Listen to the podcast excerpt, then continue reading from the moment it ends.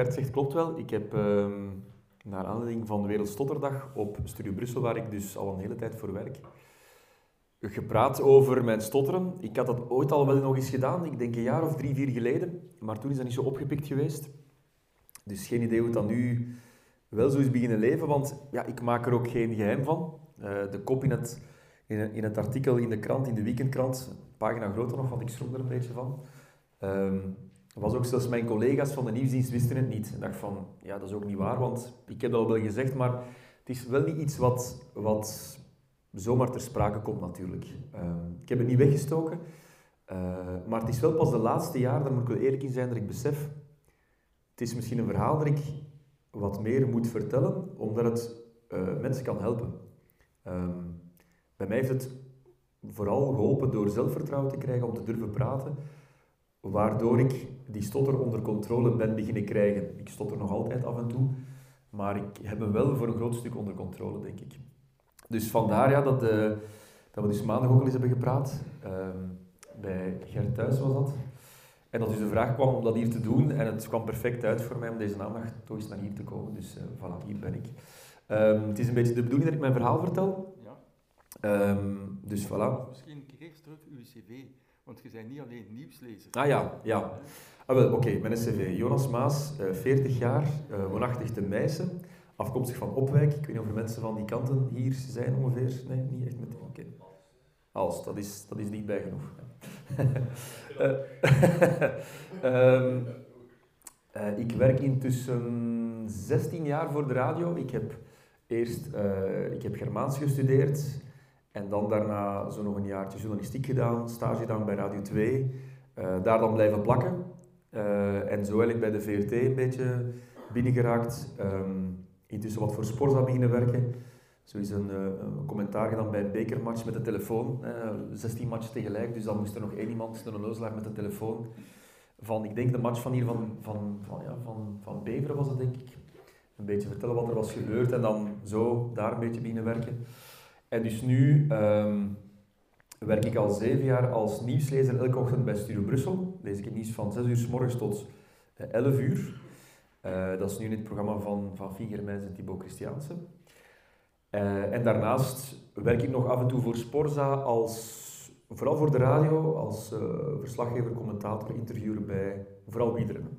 En voor Pik Sports als commentator of omkaderingspresentator, om het zo te zeggen. Dus presentatie van de omkadering bij wedstrijden in de Champions League. En daar ook een beetje veldrijden nu, volgende week, denk ik is het, moet ik naar uh, de veldrit in Boom om daar zo'n commentaar bij te geven. Dat is een beetje mijn cv.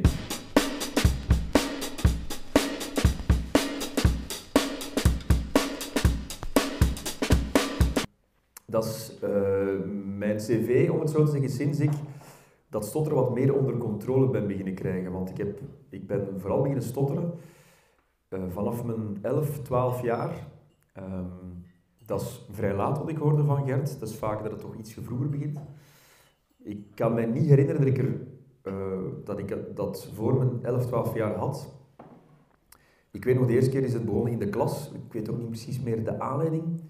Uh, het was wel een periode waarin mijn ouders net een goed half jaar gescheiden waren, of een jaartje gescheiden waren.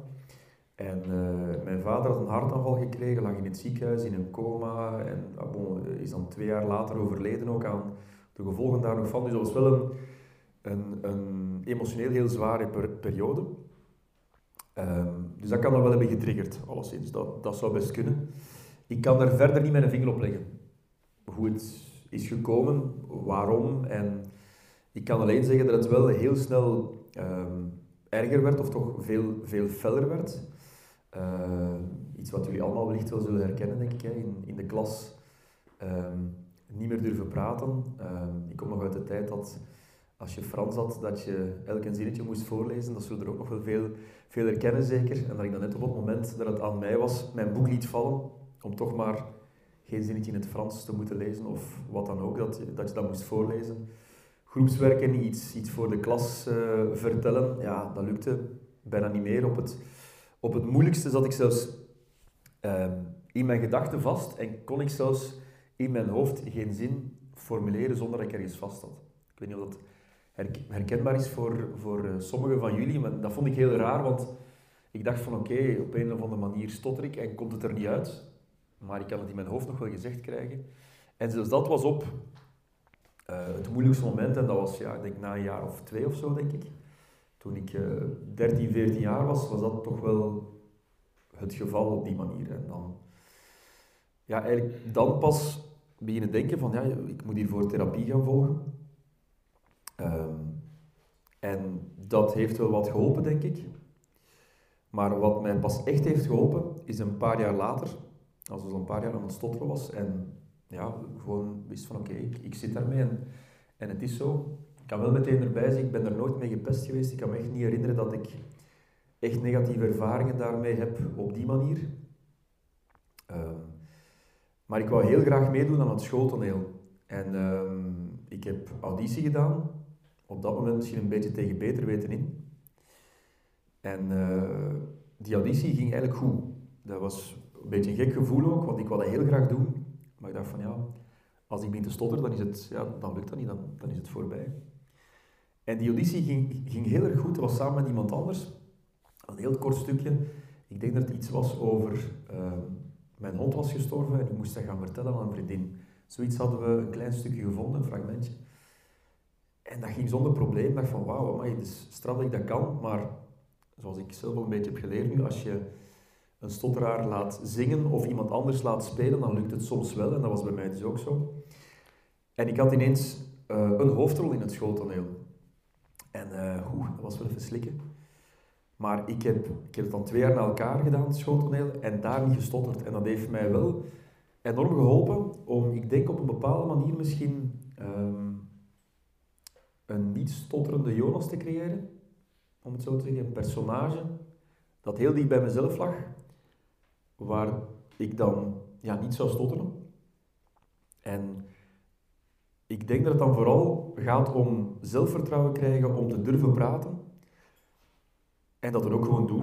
En dat is wat mij wel heeft geholpen om het onder controle te krijgen. Want dat heb ik ook toen op Studio Brussel heel bewust gezegd. Ik ben altijd een stotteraar. Ik blijf soms nog wel eens haperen. Ik stotter nog wel eens op momenten dat ik zenuwachtig ben. Als ik thuis ruzie maak met mijn vrouw, uh, dan stotter ik ook nog wel eens. Of uh, tegen mijn kinderen iets ver moet zeggen, dan komt er ook nog wel eens niet uit. Dus ik, ik ben daar niet van af en dat is ook oké. Ik uh, vind het ook niet erg. Vandaar dat ik er ook zo openlijk over kan praten.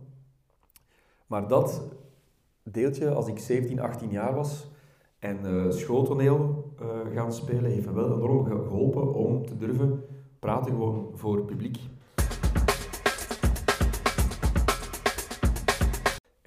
Dan uh, verder studeerde en dan stage ging doen en ineens een reportage mocht maken voor de radio, dacht ik van oké, dit kan ik wel monteren. Hier kan ik een vraag die ik goed heb gesteld of waar ik toch een beetje blijf hangen, kan ik er wel uitkrijgen. Maar dan moet je ook ineens live op de radio. Dat is wel iets anders. dat was um, in het begin moeilijk. Um, en dat is, zoals wellicht veel onder jullie wel kennen, je eigen technieken een beetje zoeken. Uh, eigen manieren om iets gezegd te krijgen waardoor het niet te hard opvalt. En ook daar eigenlijk lukte dat wel beter en beter. En um, ja, kon ik die technieken toepassen. En denk ik dat ik nu op een punt ben dat ik als nieuwslezer kan zeggen, ik heb slechte dagen, waarop het moeilijker gaat, waarop ik het hele arsenaal aan uh, trucs en uh, techniekjes moet bovenhalen om uh, mijn nieuwsberichten goed te zeggen. Al van vijf minuten ervoor rustig proberen te worden. Ademhaling niet te hoog, dat je, niet vastzit. Um, niet proberen te racen, net ietsje trager proberen te praten sommige woorden waarvan je weet, bij mij is het dan vaak een woord met een uh, klinker vooraan, zoals nu, uh, ik zei het ook tegen Gert, het gaat nu over Israël en Palestina. In Israël, als ik het moeilijk heb, dan, is het, dan moet ik echt zeggen in Israël. En die kan ik, dan kan ik niet zeggen in Israël, want dan in blijf ik hangen.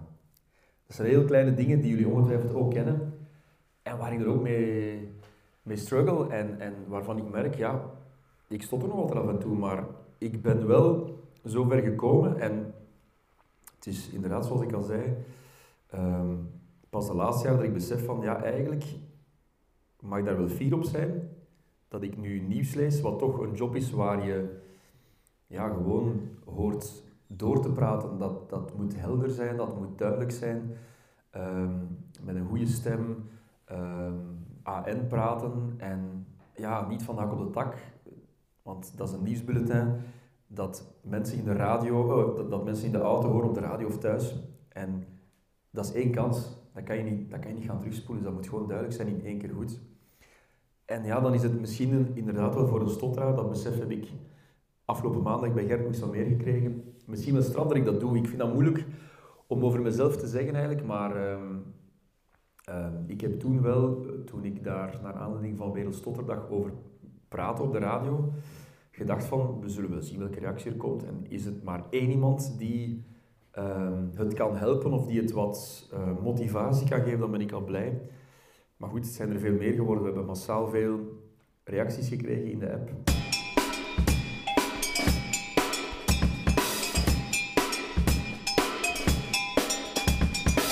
Een hele mooie was van een uh, moeder, die, want het was net om half negen, die zei van, uh, ik heb net mijn, mijn zoon van 14 afgezet op school, heeft het echt heel moeilijk met zijn stotteren. Daardoor ook uh, schuchterder geworden. Ik ga hem dat zeker laten horen, want het gaat hem echt deugd doen van dat te horen. Ik van, ja, dat is eigenlijk de bedoeling waarom ik het vertel, waarom ik het zeg. En uh, zo zijn er nog veel reacties binnengekomen. Heeft die journalisten gebeld van de krant, heb ik achteraf nog gehoord, ook van mensen in mijn omgeving die zeggen van ja, ik stotter ook af en toe. Uh, een kindje op de voetbal van, van een van mijn uh, zonen, ehm, die moeder kwam ook naar mij en zei dat was echt, dat heeft Gustav heet die jongen die dus ook een beetje stottert, echt deugd gedaan, want ja, hij kent u dan ook en hij wist dat niet van u. En hij weet dan dat je voor Studie Brussel werkt. Zegt van amai, als hij dat dan kan, het gaat dan heel vaak om vertrouwen, om uh, ja, te durven praten. En dat, dat durf ik nu wel te doen. Vandaar dat ik ook zonder schroom, zonder stress eigenlijk hier kan zitten en mijn verhaal uh, voor jullie kan, uh, kan vertellen. Dus ik hoop dat jullie er op een bepaalde manier ook, ook toch uh, iets aan hebben.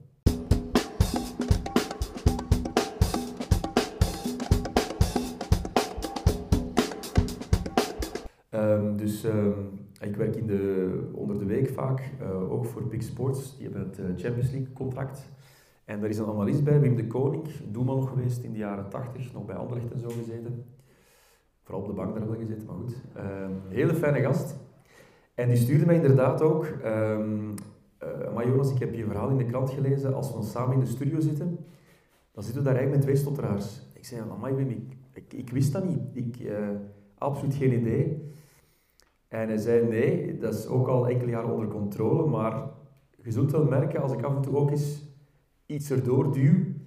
En inderdaad, sinds dan heb ik nog eens één keer met hem samen in de studio gezeten. En dan merken we dat van elkaar. En ja, dat is dan een live uitzending, maar hij knipoogde dan zo een keer naar mij van oké, voilà, dat, dat is het inderdaad. Maar ja, dat, is, dat schept wel een band op die manier. En ik vind het fijn dat, uh, niet dat ik daar vroeger niet over zou kunnen praten, maar goed, als kind is dat wel moeilijker.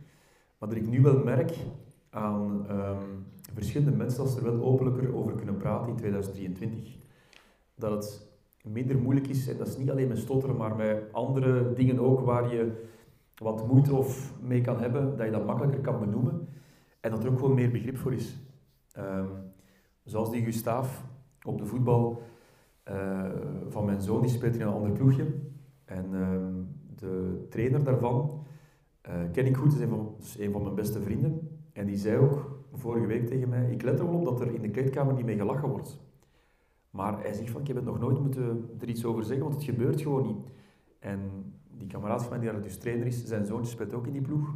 Dat hij zegt van, had je al gehoord dat Gustave een beetje stottert? Ah ja, zegt hem, ja, maar ja, ja, we weten hem. En ik vind dat zo fantastisch dat kinderen van die leeftijd dat niet gebruiken om, ja, als je dat een zwakte zou willen noemen, om dat dan uit te buiten, om te pesten of wat dan ook. Het gebeurt gewoon niet.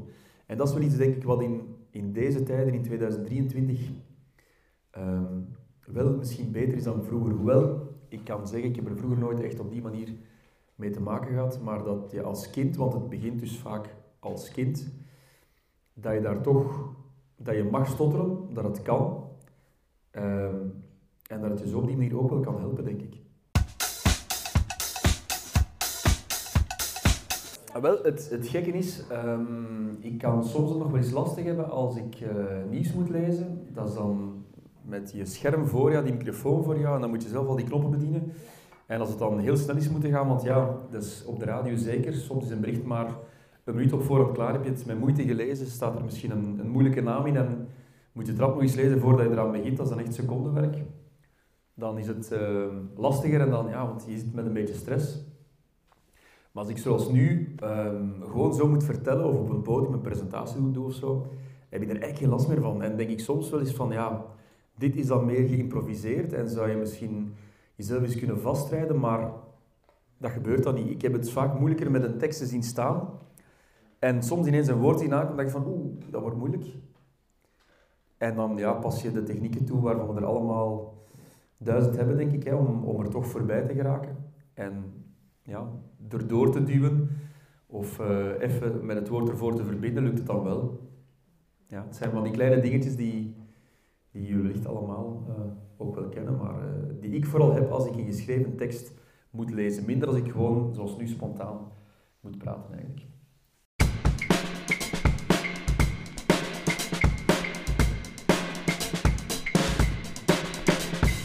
Ja, ik ben toen ik, ik denk 14 was, um, was in mijn tweede middelbaar. En um, ik probeerde toen vooral zo goed mogelijk te verbergen. Niet omdat ik ermee gepest werd, maar omdat ik, ja, je hebt dat liever niet in een klas, want daar was het vooral wel het felst. Maar ik had toen een klastitularis, uh, mevrouw Albrecht van Wiskunde. En die haar man stotterde ook. En die herkende het dus wel. En die heeft toen naar, naar mijn moeder gebeld om te zeggen van... Therapie, dat gaat hem echt deugd doen. En ik ben toen in uh, Dendermonde geweest, denk ik bij iemand, een logopedist. En die liet mij eigenlijk toen vooral uh, ja, hier en daar een, een, trucje leren. Um, maar vooral die liet mij bellen. Ik heb toen, ik denk op het jaar dat ik daar geweest ben, tien keer naar de Kinepolis gebeld. Om, te, om informatie te vragen over de film. Of ja, zulke dingen. Dus ik denk dat de mensen mij daar intussen ook al wel kenden bij de Kinepolis. Maar um, ja, om gewoon te durven praten, hè, want dat is toch vooral de druk, denk ik, de belangrijkste druk, durf te praten. Dus ik ben ook in therapie geweest.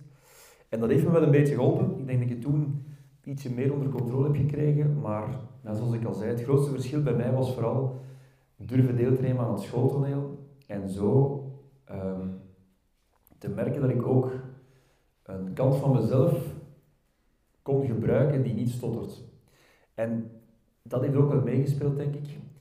Zeker als ik dan voor de radio begon te werken, ik merk als ik gewoon praat in mijn, in mijn eigen dialect of verkavelingsvlaams, hoe je het ook wil noemen, met vrienden en het gaat wel snel in een conversatie, een beetje mopjes aan het maken.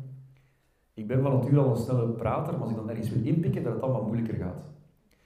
Terwijl als ik uh, op de radio, zoals nu, mijn best doe om mooi te praten, dat is een ander deeltje van mezelf dat dan op een of andere manier niet of toch veel minder de neiging heeft om te stotteren. Dus dat heeft wel geholpen toen ik voor de radio begon te werken bij de VRT, dan moet je een stemattest hebben, dus dan krijg je ook logopedie op die mooie uitspraak, uh, afkomstig van Opwek, dus de, de Brabantse I, hè, vis, en de A, de vuile A, de vuile O, dat staat er allemaal nog goed in. Um, ja, dat, dat wordt er door oefeningen uitgehaald, uh, met de kurk in de mond, om die tong goed te krijgen. Allee, dat is allemaal heel veel gedoe geweest. Maar op die manier denk ik dat er inderdaad wel een deel van mezelf is geweest, waardoor ik in mijn hersenen een andere baan heb leren gebruiken die AN praat en die dus niet stottert. Dus dat is op een bepaalde manier ook wel therapie geweest. Ook al was het dan therapie om, uh, om mooi AN te leren praten, was het ook op een bepaalde manier therapie om die stotter onder controle te krijgen.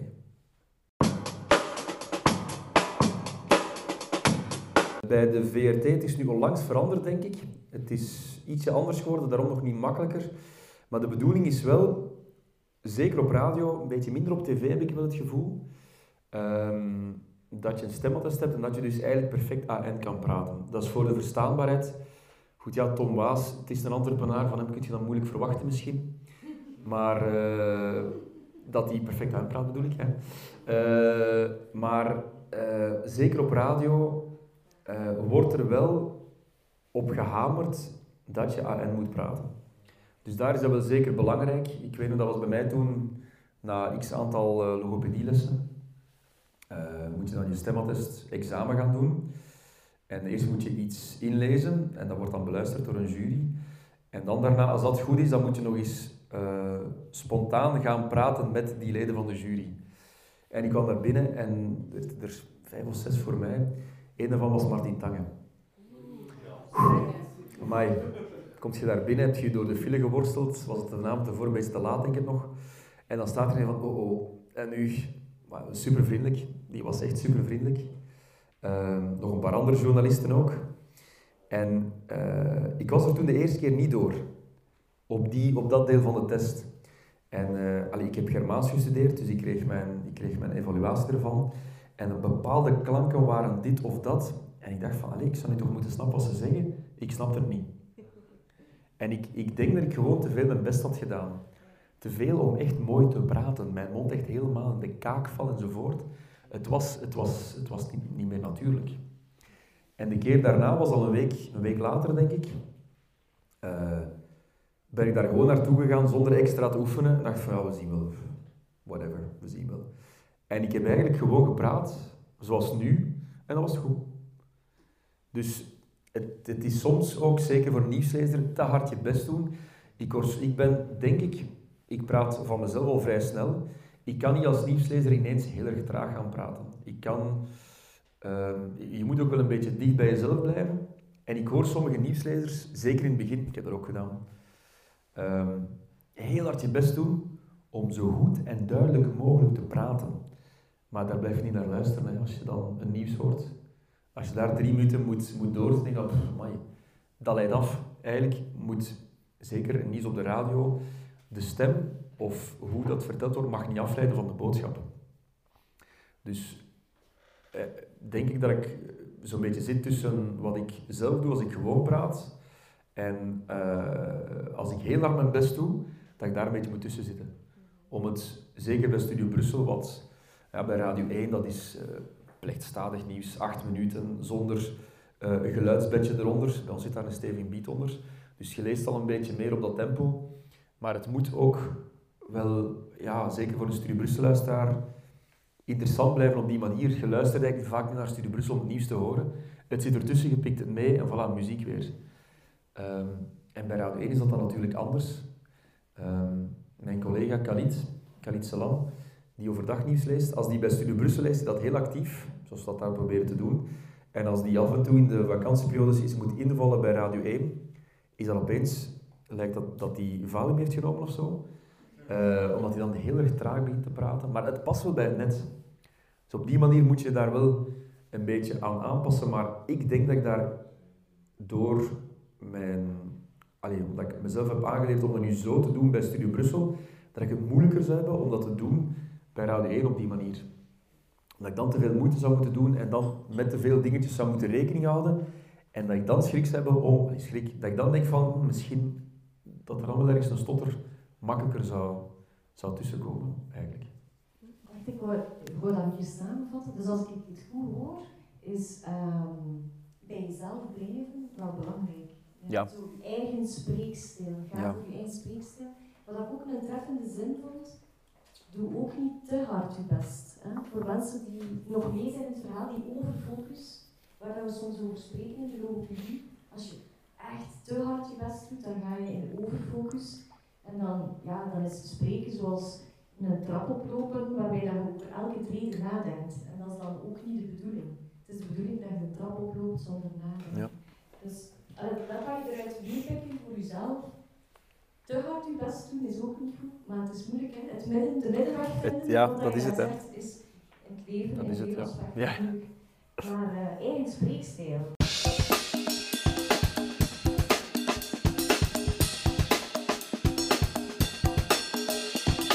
Moest het uh, nieuwslezen dan toch niet zo vlot gaan, zou je het dan moeten opnieuw doen? Ja, ja, ja. Het, is, het, is, het is live, hè, dus je krijgt maar één kans. Hè. Alles bij de radio is eigenlijk live. Dus um, ik moet zien dat ik er s morgens zes, half zeven, uh, zeven, half acht, acht, half negen en negen, tien en elf. Dat is echt op het moment zelf live. Ja, dat is altijd live. Uh, ik heb ooit wel eens een collega gehad, ik ga nu de biecht klappen eigenlijk, die um, niet heel goed nieuws las. die, die wist dat zelf ook. En die nam het vaak wel eens op voorhand op. En dat was zijn excuus toen hij nog bij Radio 2 werkte. Hadden we nieuws om half zes s'avonds. Ja, maar ik moet mijn trein halen. En dan nam het op om uh, kwart over vijf. En je kan het automatisch starten dat het exact om half zes begint. Maar dat is natuurlijk niet de bedoeling. Dat, eh, nieuws moet je wel live lezen eh, eigenlijk. Want ja, het is bijna onmogelijk, zeker bij de radio. Dat is het enige voordeel dat we nog hebben op um, Spotify en andere dingen. Als er iets gebeurt, als je iets wilt vertellen, is maar gewoon de microfoon openzetten en je kan het vertellen op de radio. Bij tv kan je niet zomaar zeggen van er is iets gebeurd als het dan op nieuws gaat. Uh, een aanslag, je kan niet zomaar met één knop de uitzending overnemen en eraan beginnen, want je moet mensen ter plaatse enzovoort, met camera, uh, satellietverbindingen enzovoort. Bij radio kan je gewoon, als er iets binnenkomt, en het, het is niet dat meteen moet verteld worden, microfoon open en je vertelt het. Dus dat, is, dat gaat heel snel, moet heel erg up-to-date zijn eigenlijk. Dus uh, het, zou, het is technisch mogelijk om het op te nemen, maar eigenlijk is het altijd live. Buiten dus die ene Bart, maar ik ga zijn achternaam niet zeggen. die dat is soms wel eens uh, opneemt bij, bij Radio 2. Zo'n truc zou je juist verwachten uh, eigenlijk, de Bart stottert niet, maar... Nee, nee, nee. Ja. ja.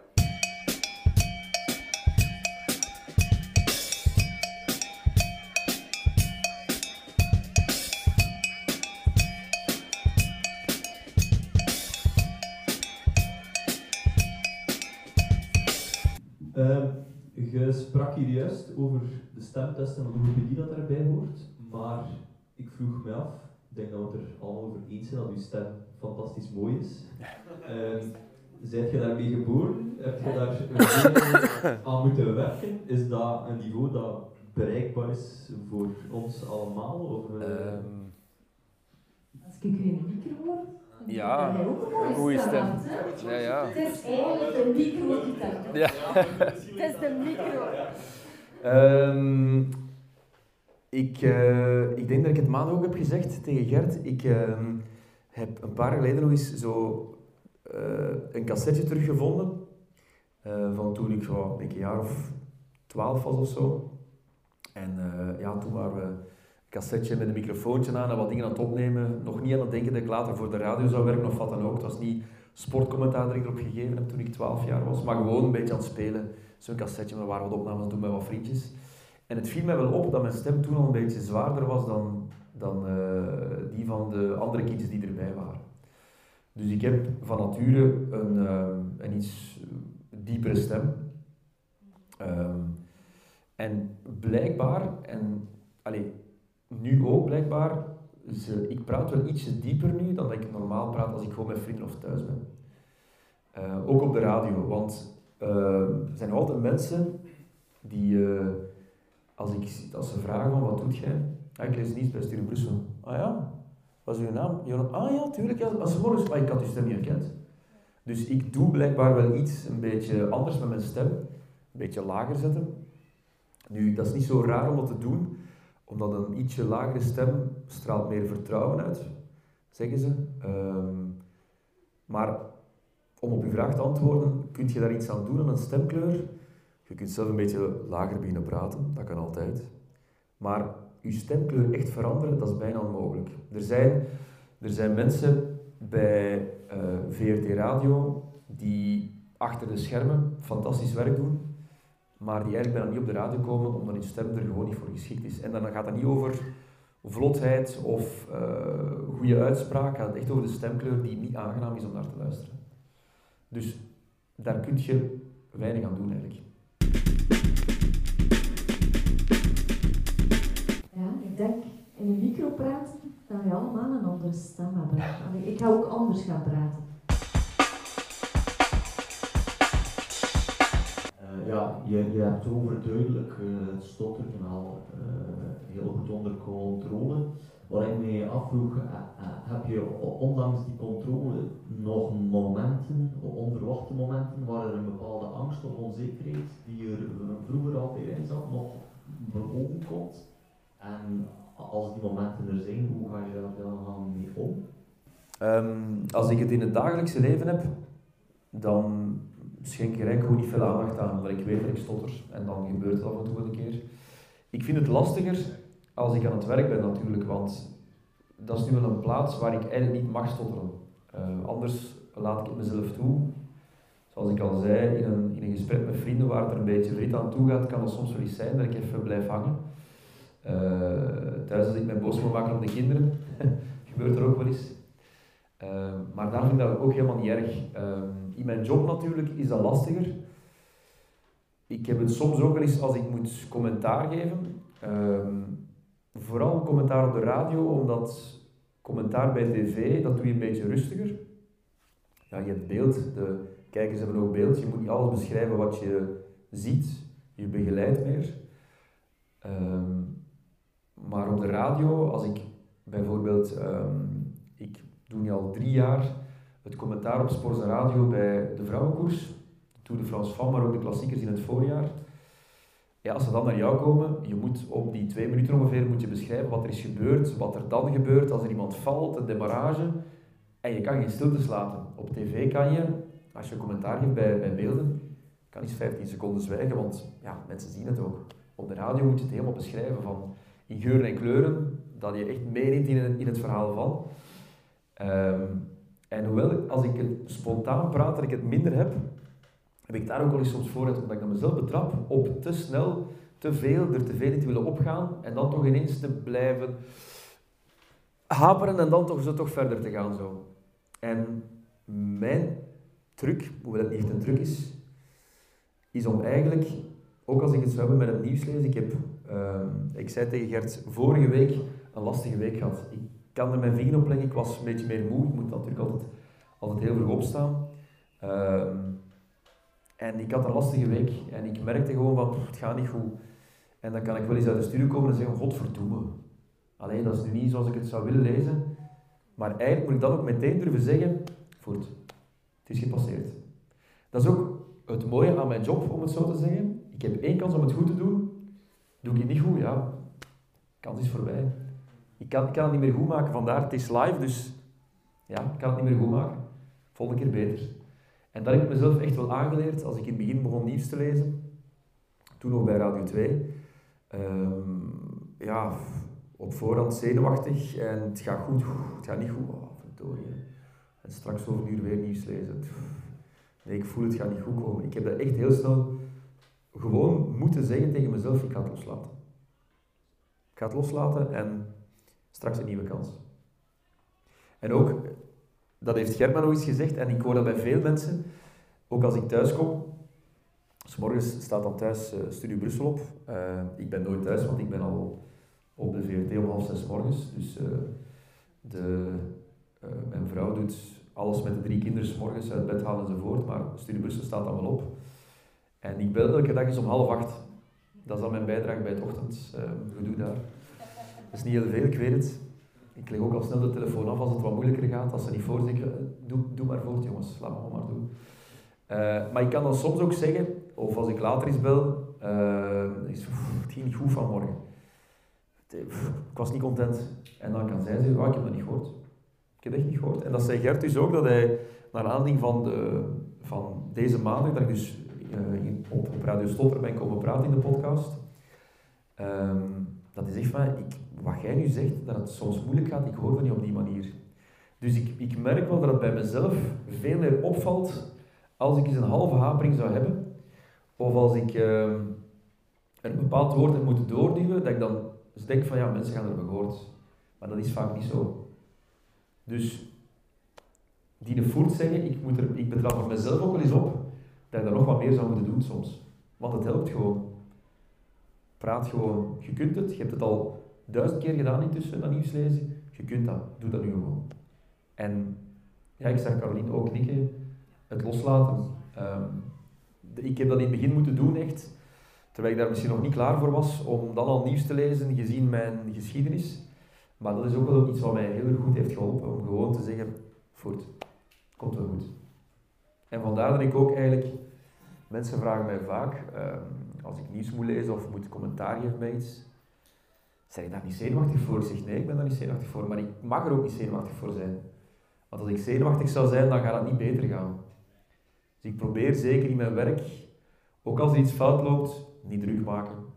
Komt het niet goed, ja, je hebt één kans, dan komt het niet goed en dan doen het volgende keer niet. Dus ja, loslaten.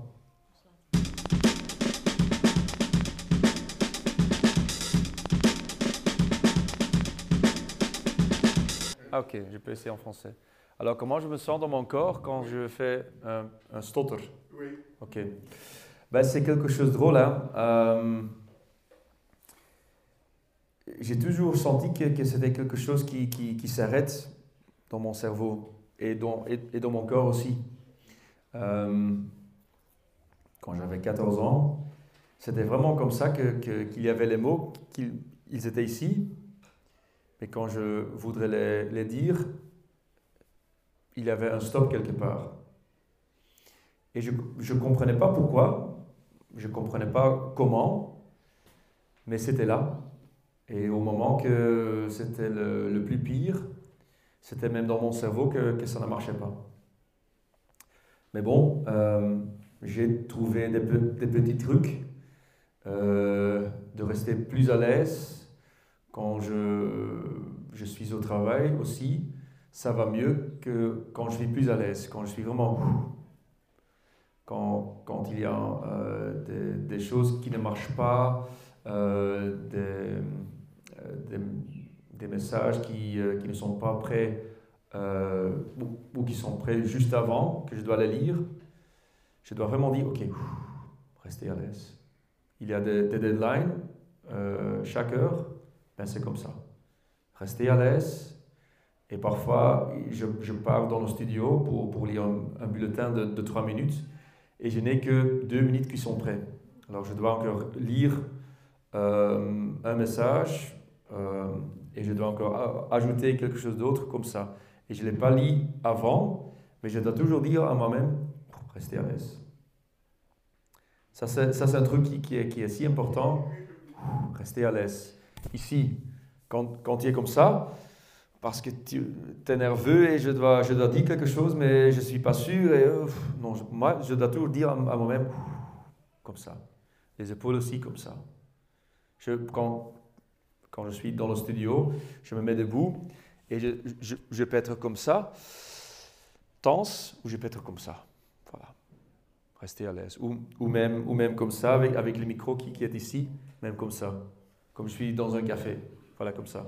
Et ça m'aide parfois aussi. De vraiment rester tranquille, tranquille et à l'aise.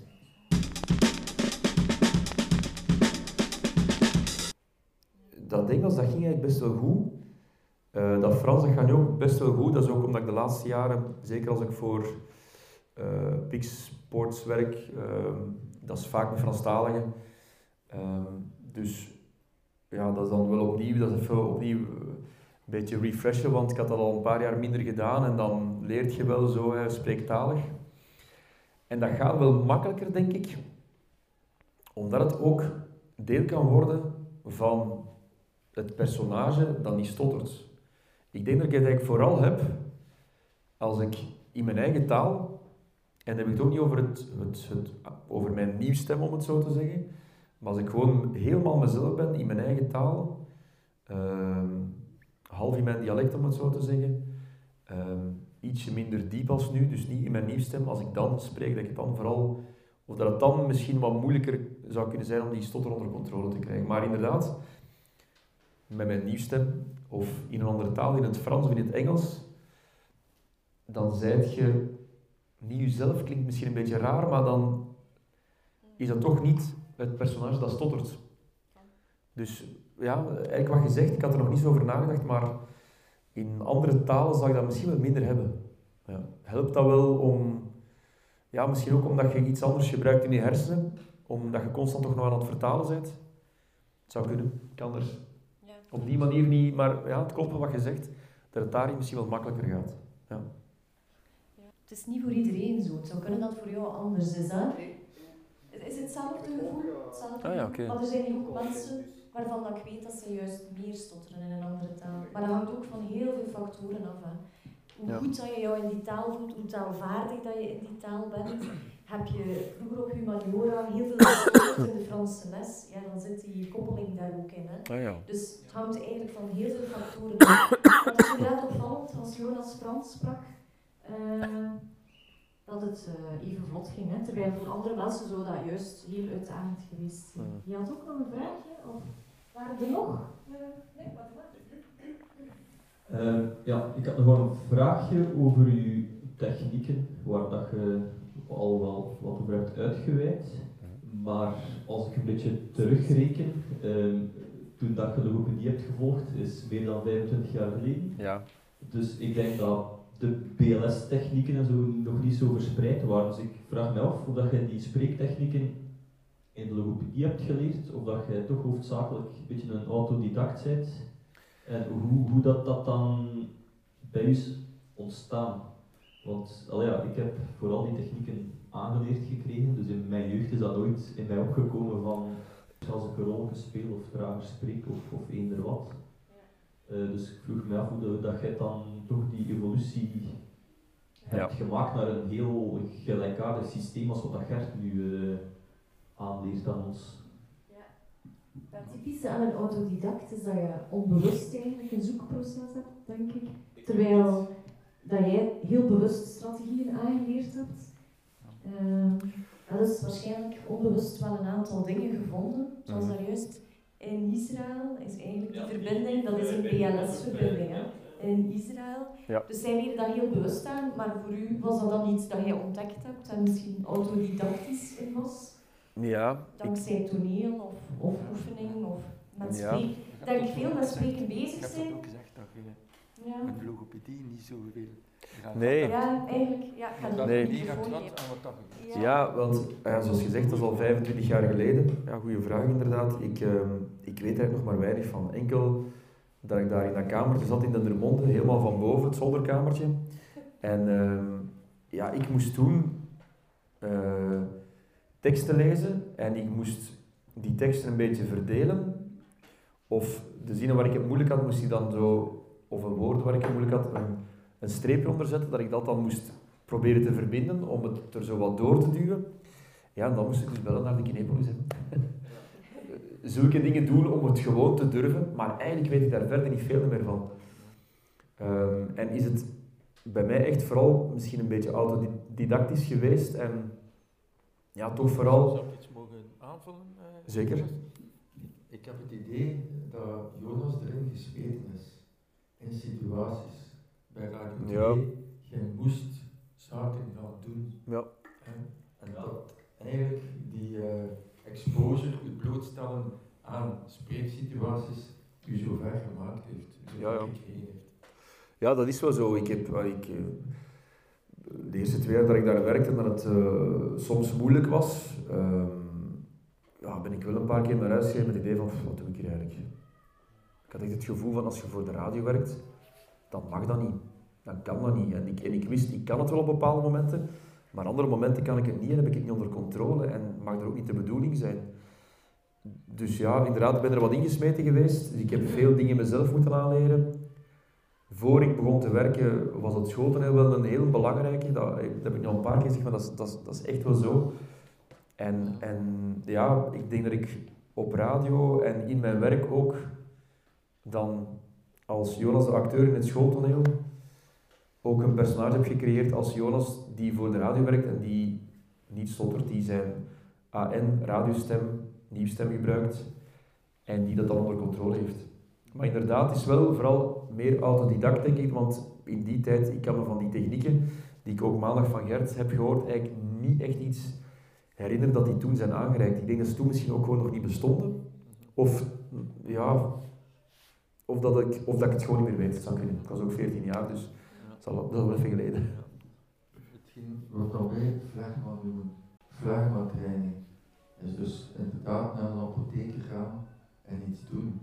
En als je dan dus zo'n zo job krijgt, en je voelt je er niet leuk bij, maar het is frequentie, iedere keer opnieuw moet je interviews afnemen. En dus bijvoorbeeld ja, ja. jij als journalist in SP, hoe meer interviews dat ik ga doen, hè, volgende week van Mekke, professor van Mekke, Hè, hoe meer interviews dat je doet, hoe vaardiger dat je wordt. Ja, Uh, als, als je niet weet waarop dat je moet te, terugvallen om die situaties goed Ja. aan te pakken, dan, dan ja, zijn eigenlijk gewoon iemand die met zijn zijn hoofd tegen Ja, de- dat is ook de muur waar. akkoord. Dat is waar. Maar hetgeen wat, wat Jonas gedaan heeft, en dat is, eh, oké, ik moet iemand gaan interviewen, kunt jezelf zeggen, iemand gaat gaan interviewen, het, het lukt niet goed, maar om de duur beginnen zoeken naar oplossingen. Volgens mij heeft Ja. Jonas wel, zoals hij zegt, autodidact, heeft hij zijn logopedie gecreëerd en, en zijn uitdagingen gecreëerd. Eh, een aantal mensen bij ons komen en dat we zeggen, ik ga nu een keer opbellen met de gouden gids. 15 mensen bellen. Oei, 15 mensen bellen. Nou heb jij moeten zelf bellen naar de dienen die je moest interviewen of naar dat of naar dat. Ja, ja, tuurlijk. Ja. Dat ook niet. hè. Ja. Wel, ik denk 25 jaar geleden, misschien zijn er wel een aantal zaadjes geplant geweest in de logopedie, dat je dus Ja, ja, dat verbindingen wellicht wel, maakt, ja, ja. bijvoorbeeld, Ja. die woorden verbinden. En dat je daar ook soms onbewust mee aan de slag gaat. Hè. Dat, dat is niet altijd een even bewust proces. Maar wat, dat wel, wat dat jullie kunnen meenemen uit het verhaal van Jonas, is ook wel, als ik jouw attitude hoor, dat je zoiets had van, ik moet die dingen blijven doen. En oké, gaat het fout, dan gaat het fout. Ik blijf gewoon doen. Ja, Ja. en eh, dat je zei, ik kon loslaten. En als je jezelf constant eh, ja, uitdaagt, wat dan flegma noemt eh, in de therapie, maar we gebruiken dat moeilijk woord niet veel meer, want mensen kijken van, wat is dat? Jezelf uitdagen, blijven die spreeksituaties opzoeken, eh, ja, dan leer je altijd iets bij.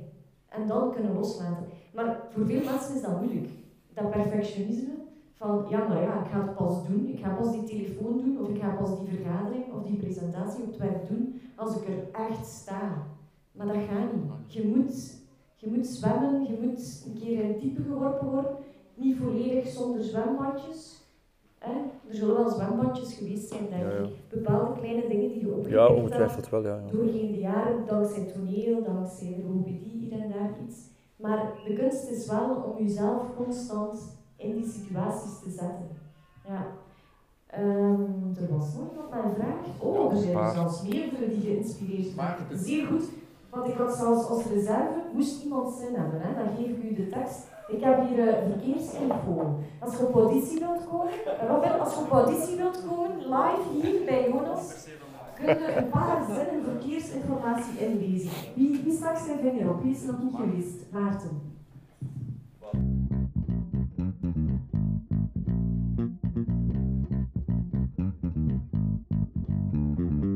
Vond je het acteren voor een live publiek vroeger het schooltheater lastiger dan eh, nu in de studio voor de camera um, live verslag voor, eh, voor Champions League wedstrijden waar dan veel meer mensen naar kijken, maar niet rechtstreeks voor u? Ehm, ja, wel? Ja. Dat is, ehm, dat is ook iets waar ik eigenlijk niet over nadenk, omdat... ehm, ja, maar het is eigenlijk wel zo. Ja, ja, niet te veel nadenken, gewoon doen. Omdat als ik eh, nieuws lees en het gaat niet goed, dan zou ik moeten denken aan hoeveel duizenden mensen dat, dat misschien wel hebben gehoord. Ik ga daar niet beter van worden. Ehm, en dat is ook wel iets wat ik van mezelf niet goed snap, maar dat schooltoneel is heel goed gegaan, terwijl je daar al die mensen ziet zitten in de zaal. Hier praten voor jullie, ik heb daar geen enkel probleem meer mee. Ziet wel direct de reactie van uw, uw Ja, tuurlijk. Ja. er iets eh, is gestopt of zo? Ja, ja. En hetzelfde met eh, in het begin ook, of eh, als ik nieuws las ehm, bij Radio 2 en het was een paar keer niet goed. In het begin deed dat was ik ook veel te zenuwachtig, dat is ook wel iets wat je moet leren. Ehm, nieuws lezen is op een bepaalde manier iets zeggen, maar dat is ja, die een balans bewaren tussen inderdaad duidelijk praten, met een goede stem praten, vlot praten, helder praten. Het zijn veel dingen die je tegelijk, balkjes die je tegelijk moet omhoog houden. In het begin was dat niet goed bij mij, helemaal niet. En dan kijk je wel een keer naar de app of naar de website of wat dan ook. Oh, er toch geen slechte reacties die zijn binnengekomen. Maar ik heb het ook allemaal losgelaten. Want het heeft geen zin, ik ga daar niet beter van worden. Ehm, maar dat is wel het, inderdaad het gekke. Als je dan zegt, voor zo'n zaal of hier, of als ik ergens een presentatie ga doen. Ik heb mezelf wel aangeleerd om niet zenuwachtig te zijn, maar ik kan perfect naar de mensen kijken en niet denken van, oei, als ik nu stotter. Op een bepaalde manier is dat nog een beetje meer performen en acteren eigenlijk, waar ik me dan wel comfortabel bij, voel. Waar het dan wel sowieso gaat. Maar ja, nogmaals, loslaten en af en toe zeggen, goed. En gaat het niet goed, dan gaat het niet goed. Dan is maar zo.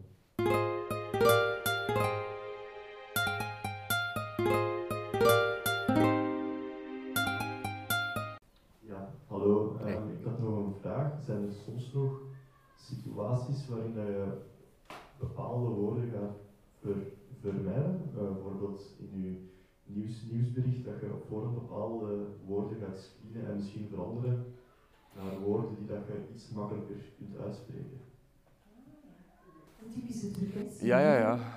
Zeker. Eh, een goede vraag, want inderdaad, dat doe ik wel. Ehm, ik, maar ik denk dat elke nieuwslezer dat wel een beetje doet.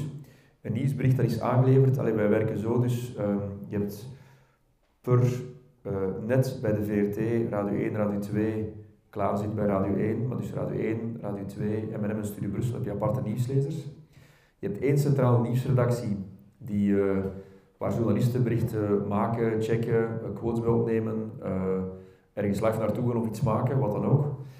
Dat komt allemaal in één bak terecht.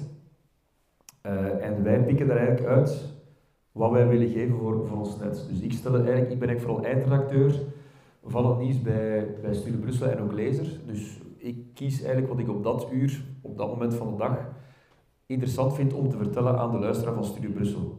Wat een heel breed profiel is. Ehm, dat zijn mensen van 15, 16 jaar tot 50, 60 jaar, die wel een algemeen eh, interesse hebben. Dus je kunt wel veel nieuws geven als is. Ehm, Wij zijn 61. Jawel, jawel, jawel, mag zeker ook. Maar als je zo door de band genomen, is het zo tot 50, 55 en dan beginnen we wat luisteraars te verliezen. Hè. Zo. Eh, je hebt luisteraars van het eerste uur. Hè. Stubru is even oud als ik ben. Stubru is eh, twee weken jonger als ik ben, dus ook 40 jaar. Dus luisteraars van het eerste uur die 20 waren, die zijn er nu al 16, die luisteren vaak nog altijd. Ehm, maar dus op die manier wordt het nieuws eigenlijk aan ons aangeleverd en moet ik dus elke uur een beetje kiezen. Dus ik kan dan in dat systeem die berichten zien, ik pas er een beetje aan. Soms zijn die berichten te lang, te ingewikkeld. En ik herschrijf. En wat ik eigenlijk altijd doe, eh, als ik herschrijf, ik ben het eigenlijk aan het opzeggen. Zo'n beetje zoals nu, zo half in de een beetje aan het lezen. En dan merk ik soms al dat ik een bepaald woord zou tegenkomen. Ah, dat is misschien, ik ga veranderen. Dus dat doe ik zeker. Eh, ik merk ook, als ik twee dingen zo... ehm goh, eh, ik denk aan een voorbeeld. Ehm, soms heb ik het moeilijk, als ik moet, dat is nu een, fictief voorbeeld, hè. als ik moet zeggen, we eten en drinken, dus iets met een n ertussen. En dan zeg ik soms, en het staat er dan niet, maar ik zeg dan wel eet, eten en ook drinken. Op een of andere manier lukt dat makkelijker om dat dan te verbinden. Maar dat ga ik op voorhand niet opschrijven, maar op het moment zelf, als ik het voel aankomen, ga ik wel zeggen eten en ook drinken. Israël en Palestina ga ik makkelijker zeggen dan Palestina en Israël. Omdat Israël de i aan het begin ligt mij makkelijker dan wanneer ik het in het tweede deeltje moet zeggen. Palestina en Israël, dat gaat. Maar als ik zeg Israël en Palestina, geen probleem. En zo zijn er, goh, ik kan niet zeggen hoeveel, duizend en één om het symbolisch te zeggen, wel dingen die ik aanpas in een, in een nieuwsbulletin, of, of waar ik zelf een beetje kies om het aan te passen, dat het gewoon mij makkelijker ligt. Maar dat doet eigenlijk elke nieuwslezer. Want ja, je krijgt iets aangeleverd van de journalist die een bericht heeft gemaakt over iets in het buitenland. Ehm, ik, moet dat, ik, ik moet dat gaan vertellen, dus ik moet dat een beetje aanpassen aan, aan hoe ik het zou zeggen. En misschien ligt er bij mij nog wel een extra laagje op met door de woorden uit te halen waar ik, waar ik het dan moeilijk mee heb, of het net anders te schrijven. Dus ja, dat doe ik zeker. Ja. Mag ik daar iets eh, nog over vragen? Hoe voelde u daar dan bij? Want ik denk dat sommige mensen, hè, en dat wordt vroeger ook vaak gezegd, je moet geen vluchtgedrag en geen vermijdingsgedrag doen Dus je mag eigenlijk geen synoniemen gebruiken, wat dan nu liever zeggen. Hè. Maar sommigen voelen zich dan ja, niveauvol aanzien. Ja, ja. Het woord Hoe voelt u daarom? Ehm, Ik denk daar niet over na, dat zijn een druk. ja, eigenlijk denk ik daar inderdaad niet over na. En ehm, ik, ik vraag me soms wel eens af, als ik het wat moeilijker heb en ik worstel door een dag, om het zo te zeggen. Ah, het klinkt nu erger dan het is eigenlijk, maar als ik naar luister en denk van, "Goh, vandaag heb ik niet mijn beste dag om te lezen gehad. En dan vraag ik me soms wel eens af, hoe doen andere nieuwslezers dat? Is dat voor hen makkelijk om gewoon, tekst die er staat, ik ga dat gewoon goed lezen zoals het hoort? Ik heb het gevoel dat dat bij mij altijd wel een beetje een opdracht is. Maar tegelijk ook een uitdaging. En haal ik er echt wel voldoening uit om een nieuwsbulletin goed te lezen. Het nieuwsbulletin van, in mijn geval, de ochtendshift, van 7 en 8, 8 zeker, met de meeste luisteraars in het, in het ochtendblok. Ja, dan wil je dat dat goed is. Dat daar het, het beste, inhoudelijk ook het beste nieuws in zit. En dat je het ook gewoon goed vertelt. Als ik dan uit de studio kom, denk ik van, oké, dat is goed gedaan. Voilà, dan ben ik heel content. Ik weet niet hoe dat, dat is bij andere nieuwslezers. Hebben die iets van, ja, Savat stond daar, ik heb het gelezen, oké, voilà. Ik, ik, ik kan dat gevoel niet hebben, hè, want ja, dat hebben jullie ongetwijfeld ook allemaal. Als je eens een tekst hebt gezegd en dat is goed gegaan, dat is, dat is extra een, een thumbs up voor jezelf. En dat heb ik wel elke keer, waardoor het ook wel Zelfbekrachting. ja, plezant is om het te doen. Omdat het wel lukt, meestal. Het is eigenlijk een zelfbekrachtiging iedere keer. Hè. Iedere keer Ja. bewijzen aan jezelf, I can do this. Ja. Ja, eigenlijk Ja. wel, ja. ja. En vandaar dat ook veel mensen die stotteren bijvoorbeeld acteur worden, hè, of acteur geworden zijn. Hè, Bruce Willis, ehm, Jan de Emily. Blunt, Jan de Cler in Vlaanderen. Ja, waarschijnlijk via het acteren ontdekt van hé, hey, en dat is wel een enorm groot effect, denk ik, die zelfbekrachtiging voelen. Maar het kan misschien ook wel thuis wanneer in de micro te praten. Meer en meer mensen beginnen dat te doen. Hè. Door die ervaring in de podcaststudio zijn er nu meer en meer mensen die zeggen oh, ik ga nu ook zo'n setje kopen voor thuis en zo wat oefenen met een microfoon. En de meeste mensen spreken beter in een micro. Je, je hebt het misschien gevoeld. Of je hebt het hier al op weekend gevoeld. Dus dat kan een zelfbekrachtigend gevoel zijn. Ja. En ook, eh Gert, jij zei vermijdingsgedrag. Sommigen labelen dat als vermijdingsgedrag. Oei, ik heb dat woord vermeden. Oei, dat mag niet. En ik denk dat jij zoiets hebt, dat is comfortgedrag. Ik ga eerst Israël en Palestina zeggen. Ja. Het is ook goed dat je dat labelt in je hoofd. Oei, shit. ik heb niet gezegd wat ik dacht. Ja. Of juist, eh, als ik dus krediet kreeg toen ik 12 jaar was, mocht ik dus geen woorden vermijden. Ja, ja. En dat was zo, dat is ook voortgemaakt. Gilles? Ah ja, oké. Eerst en dan nood. Ja, en nu maken we de logopedie meer onderscheid tussen wat is vermijdingsgedrag en wat is comfortgedrag. Elke spreker, denk ook sprekers die niet stotteren, geven zichzelf comfort. ja. Zoals hij zegt, elke nieuwslezer zal wellicht dat zich eigen maken. You have to own it. Jules. Je hebt nu al ons eh, een paar boodschappen meegedeeld, maar moest je nu nog één boodschap aan ons geven, welke zou dat dan zijn? Wauw. Ja. het zijn al mooie boodschappen geweest. Hè. Loslaten, niet Eh. verlengen, comfort. Goh, misschien is er nog iets. Maar lastigste vraag van de avond, vind ik. Eh, ja, omdat ik dan nog iets, iets anders zou moeten zeggen. Ehm, terwijl toch vaak, zeker bij mij, op hetzelfde neerkomt. Ehm, ja, het zelfvertrouwen hebben om te durven praten en tegelijk ook los te laten. Het zit vaak in een balans, vind ik. Eh, zeker in de job die ik doe. Ehm, als ik er te veel over nadenk, gaat het niet goed komen. En ik moet toch wel met een, met een paar dingen rekening houden om het te laten goedkomen. Zoals sommige woorden ver- vermijden of daar toch even extra aandacht aan besteden. Dus ja, een, een nieuw advies kan ik er niet meer formuleren, maar ik denk dat het belangrijkste is, en dat is ook waarom ik het eh, toen, intussen al bijna een maand geleden zeker, heb, heb, nog eens willen vertellen op de radio. Ehm, het, het, dat mijn verhaal misschien wel een beetje zelfvertrouwen kan geven aan mensen om te durven praten. Eh, om geen schrik te hebben en om ook te denken, stotteren is ook niet zo erg. Dat is geen ziekte. Dat is gewoon iets wat, wat je doet. En je kunt het onder controle krijgen wanneer het nodig zou zijn, als je dat wilt. En er zijn technieken voor, dus dat lukt wel, dat komt wel goed. En lukt het soms niet, dan is het ook niet erg. Dat zelfvertrouwen uit je ook een beetje op die manier, om goed te durven praten. Als ik, dat jongetje wat ik daar straks zei op de voetbal van, uh, van mijn kinderen, Gustav, zijn moeder sprak me aan na een training en Gustav kwam er dan bij staan en zei, ja, ik heb dat gehoord. En je hoorde dat hij een beetje stotterde. En ik vond het zo mooi dat hij dat zei. Hij zei eigenlijk, maar het gaat me niet tegenhouden om te praten. En ik zeg van, amai, acht jaar, acht of negen jaar.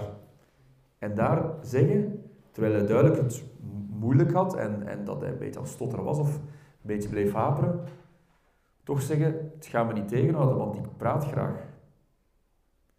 En ik heb gezegd van, amai, dat is het, dat is het eigenlijk. Praat gewoon. En ik vond het zo straf dat hij dat op die leeftijd besefte, dus ik, ik hoop dat hij dat ook de rest van zijn leven op die manier meedraagt eigenlijk.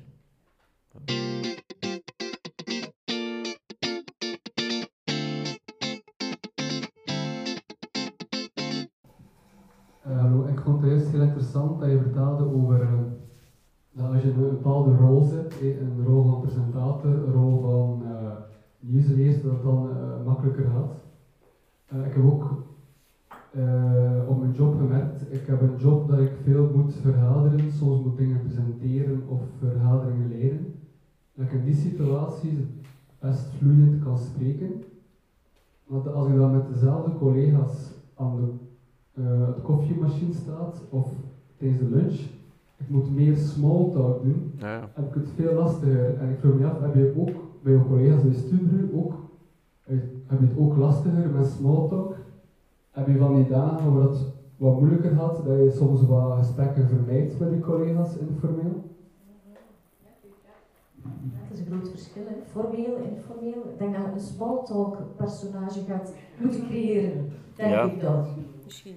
Ja, maar ik snap wel heel goed wat je bedoelt. Um, het is ook wat ik zei, van zo met vrienden een beetje aan babbelen, small talk of thuis, um, dan heb ik het vaak wat minder onder controle. Dan is het daar plots ineens, zie ik het ook niet aankomen, kan ik het ook niet ineens proberen met een techniek toch te vermijden.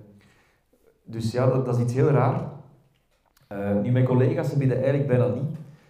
Uh, ik voel me er ook heel erg op mijn gemak bij. Dus dan is er ook niet een, een trigger om. Zal wel eens gebeurd zijn? Ja, misschien wel, maar dan besteed ik er misschien geen aandacht aan, ik weet het niet. Maar ik heb wel niet zo dat ik uh, in de studio, dat we daar radiootje aan het spelen zijn en dan uit de studio komen en uh, een koffie gaan halen en dat ik dan niet meer mijn woorden zou geraken. Dat heb ik inderdaad niet, maar ik heb het wel ja, in andere situaties, wanneer ik denk ik het dichtst gewoon bij mezelf ben, en dat is ja, met vrienden of thuis of met familie. En uh, er moet bij mij wel uh, een emotionele trigger zijn. Het moet in een, uh, in een beetje een spanningsmoment zijn, een beetje stress. Of ja, met vrienden een beetje lachen en zeven om het zo te zeggen. En dan moet dat wat sneller gaan in de conversatie. Je bent wel opgesmeten op een positieve manier. Want je wilt rap iets zeggen, ertussen smijt iets grappig. En dan vanaf blijft hangen zo. Of dat ik, terwijl ik mijn uitleg aan het doen ben, die ik dan snel wil doen, want het moet snel gaan in de grap, dat dan toch even blijft hangen zo. Dus ja, dat, die smalltalk op die manier, ik heb dat ook. Um, ja, nogmaals, omdat ik denk dat dat het dichtste bij mezelf ligt, die ik was ook als kind toen ik stotterde en die nog altijd ben. Dus dat is een beetje mijn verklaring daarvoor voor mezelf waarom dat dan zo, uh, zo zou zijn. Maar ik, maar ik, ja, ik herken het wel.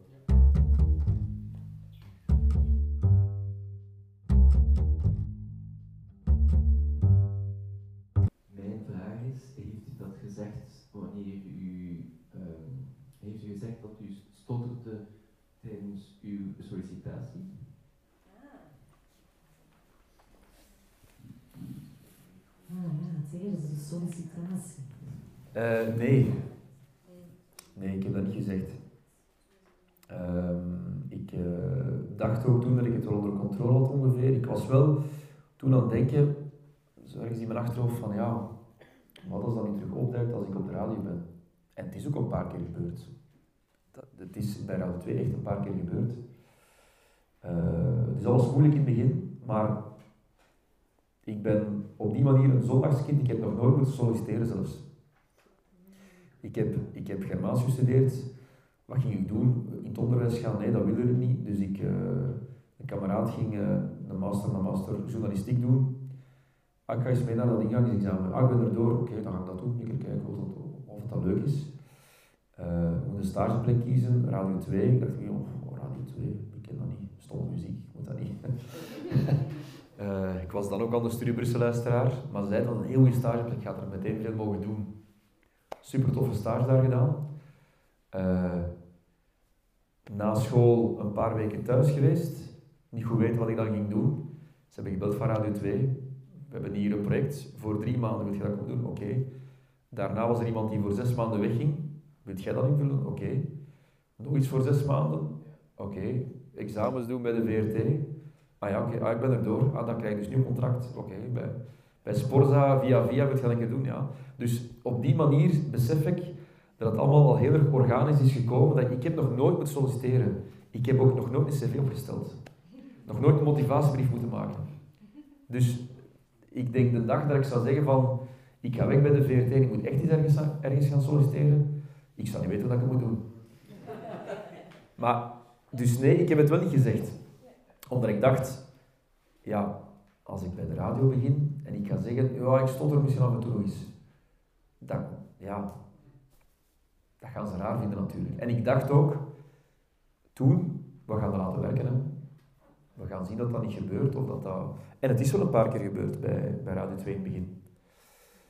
En ik heb dat toen wel eens gezegd, dat ik daar af en toe eens mee sukkelde, maar ze zijn er eigenlijk heel goed mee omgegaan. Uh, zeker toen ik dan in het begin moest nieuws lezen. Uh, is het ook wel eens gebeurd, niet de eerste keer. De eerste keer dat ik moest nieuws lezen, dat was supergoed.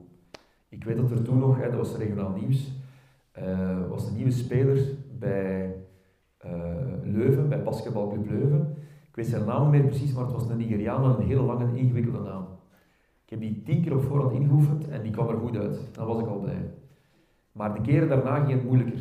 En ja, heb ik wel toen tegen mijn baas gezegd van ja, ik weet het, is niet goed, maar geef me wat tijd. En ik uh, sukkel er soms van mee, maar kom wel goed. En ze hebben mij ook gewoon dat vertrouwen gegeven. Wat ik wel chapeau vind, want ja, voor hetzelfde geld zeggen van ja, we gaan je ander werk laten doen. En dat zou wel voor mijn zelfvertrouwen niet goed zijn geweest. Het heeft mij meer deugd gedaan dat mijn collega's er, hoewel er niet echt uitgesproken over is gepraat, uh, dat ze het oké vonden, dat ik mocht proberen live op de radio, want ja, live op de radio is iets anders dan ergens in een opnamekortje er eens proberen. Je kunt dat niet simuleren live op de radio. Dat is gewoon dan op dat moment live. Um, dat heeft meer gedaan voor mijn zelfvertrouwen dan, uh, dan wanneer ik er gewoon zou zijn afgehaald en het niet meer mocht doen. Wat dan veiliger, veiliger zou zijn geweest. Maar het heeft me meer deugd gedaan dat ze daar zo op hebben gereageerd alleszins. Ja. Nog nooit gesolliciteerd. Nee, dat is waar. Stik die hand op? Nee, het is zo Ah. Oké. Goed, dan gaan we waarschijnlijk hier, hier afronden. Ehm, als jullie nog zien en horen, iedere morgen, bijna iedere Ja. morgen op Studio. Veel toch, ja. En je, ziet, je kunt hem ook zien in de Studio Bru app. Dat is wel, uh, wel grappig. Uh, een klein applaus toch voor Jonas.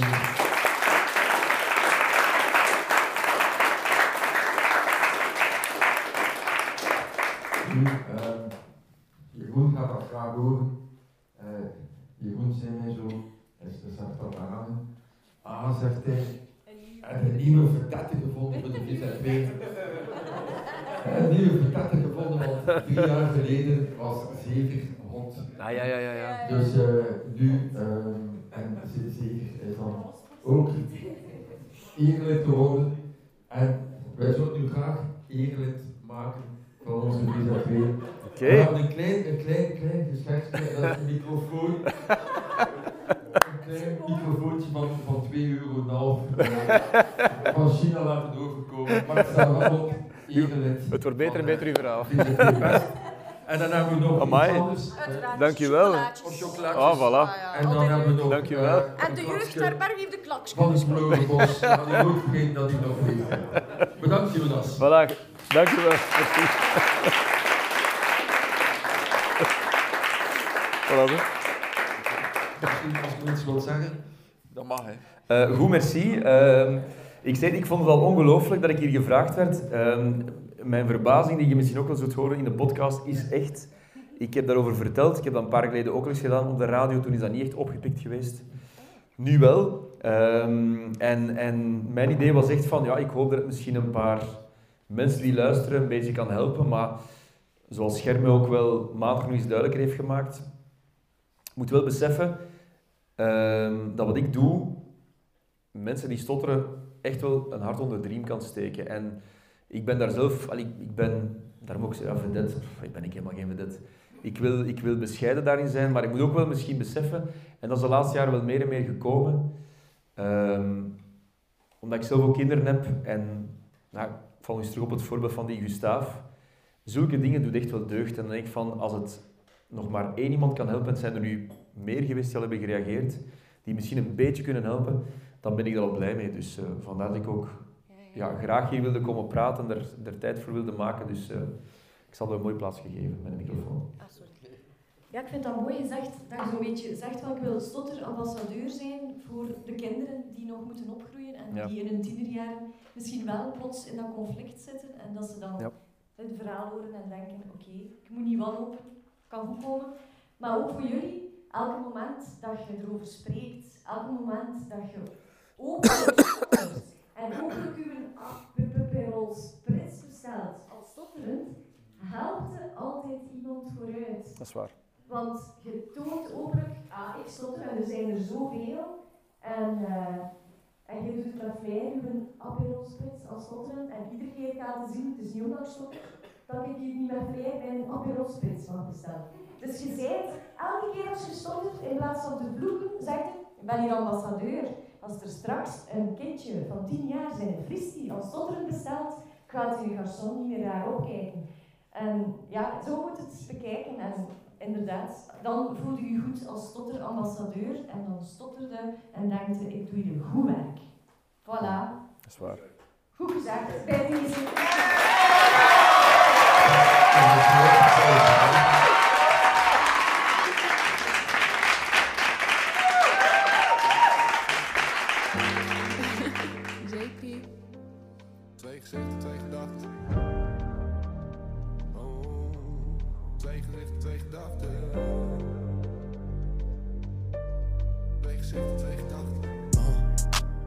Het is een vak apart. Half uur en ik loop weer door de stad. Dus ik schrik ze van me af. Maar er echt diep van binnen zit een jongen met een hart. Harde werker. Sociaal zit hij niet goed, dat kan je aan hem merken. Of geen Gucci Dior, hij fokt niet met die merk. Zit veel liever thuis, maar gekoppeld aan versterker. Het zijn noten is wat hij weet nu. Niet uitgenodigd of feesten, dus hij zit weer in de stuur. Wat hij maakt staat niet op een menu. Geen helpende hand, hij werkt als individu. Twee gezichten, twee gedachten. Eén werkt harder dan de handen. Ondanks alles niks veranderd. Achtervolgd als een schande. Damn, en wat doet dat hem zeer? Werken bij een baan wat hij zelf niet verteert. Kantoor zet een keer weer een keer. Ander voor later, maar dat is niet wat hij leert. Weg, weg, dan voor jezelf. Geen diploma in zijn hand, daarom speelt hij een spel. In zijn hoofd speelt constant een rel. En zijn boss ook niet begrepen, want hij komt niet uit de cel. Vertel mij eens de weg dan. Vaak genoeg twijfelend of ik het wel kan. Blijf ik of wat ik kan wel een melktand. Kies je mij dan, niet mag grap over verre stand. Als ik het niet haal, kan ik niet terug in de tijd. Dit is mijn enige kans en weet wat dat ik hem grijp. Represent aan mijn stad en voor de boys uit de wijk. Nog die verdiepe stem en weet wat dat ik het rijk. Het zijn noten is wat hij weet nu. Niet uitgenodigd of feesten, dus hij zit weer in de stuur. Wat hij maakt staat niet op een menu. Geen helpende hand, hij werkt als individu. Twee gezichten, twee gedachten. Eén werkt harder dan de handen. Ondanks alles niks veranderd. Achtervolgd als een schande. Mijn hobby blijft een hobby en er woont niet mijn werk. Ga het behandelen als dat, ja, dat maakt mij wel sterk. Geloof elke weekend in mijn stuur is mijn kerk. De lat wordt hoog gelegd, die wordt niets beperkt. Ben een jongen uit de stad. Gebroken ziel, verre oosten uit het gat.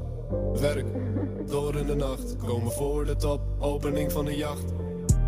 Blijf in mijn schoenen, hou me sterk. Erkenning is leuk, maar dat is niet waarvoor ik werk. Kan het typen als klerk, je zit mij niet in een merk. Puur op een beat, ik laat het knallen als het werkt. Wow, ik ken van shit in mijn. Mijn rode ogen heb geld, ze denken vast hij stoned. Alleen maar omdat ik blow, ben ik niet emotieloos. De zoeken naar geluk is afgestopt in mijn hoofd. Het zijn noten is wat hij weet nu. Niet uitgenodigd of feest en dus hij zit weer in de stuur. Wat hij maakt staat niet op een menu. Geen helpende hand, hij werkt als individu. Twee gezichten, twee gedachtes. Eén werkt harder dan de handen. Ondanks alles niks veranderd. Achtervolgd als een schande. Twee gezichten, twee gedachtes. Eén werkt harder dan de handen. Ondanks alles niks veranderd. Achtervolgd als een schande.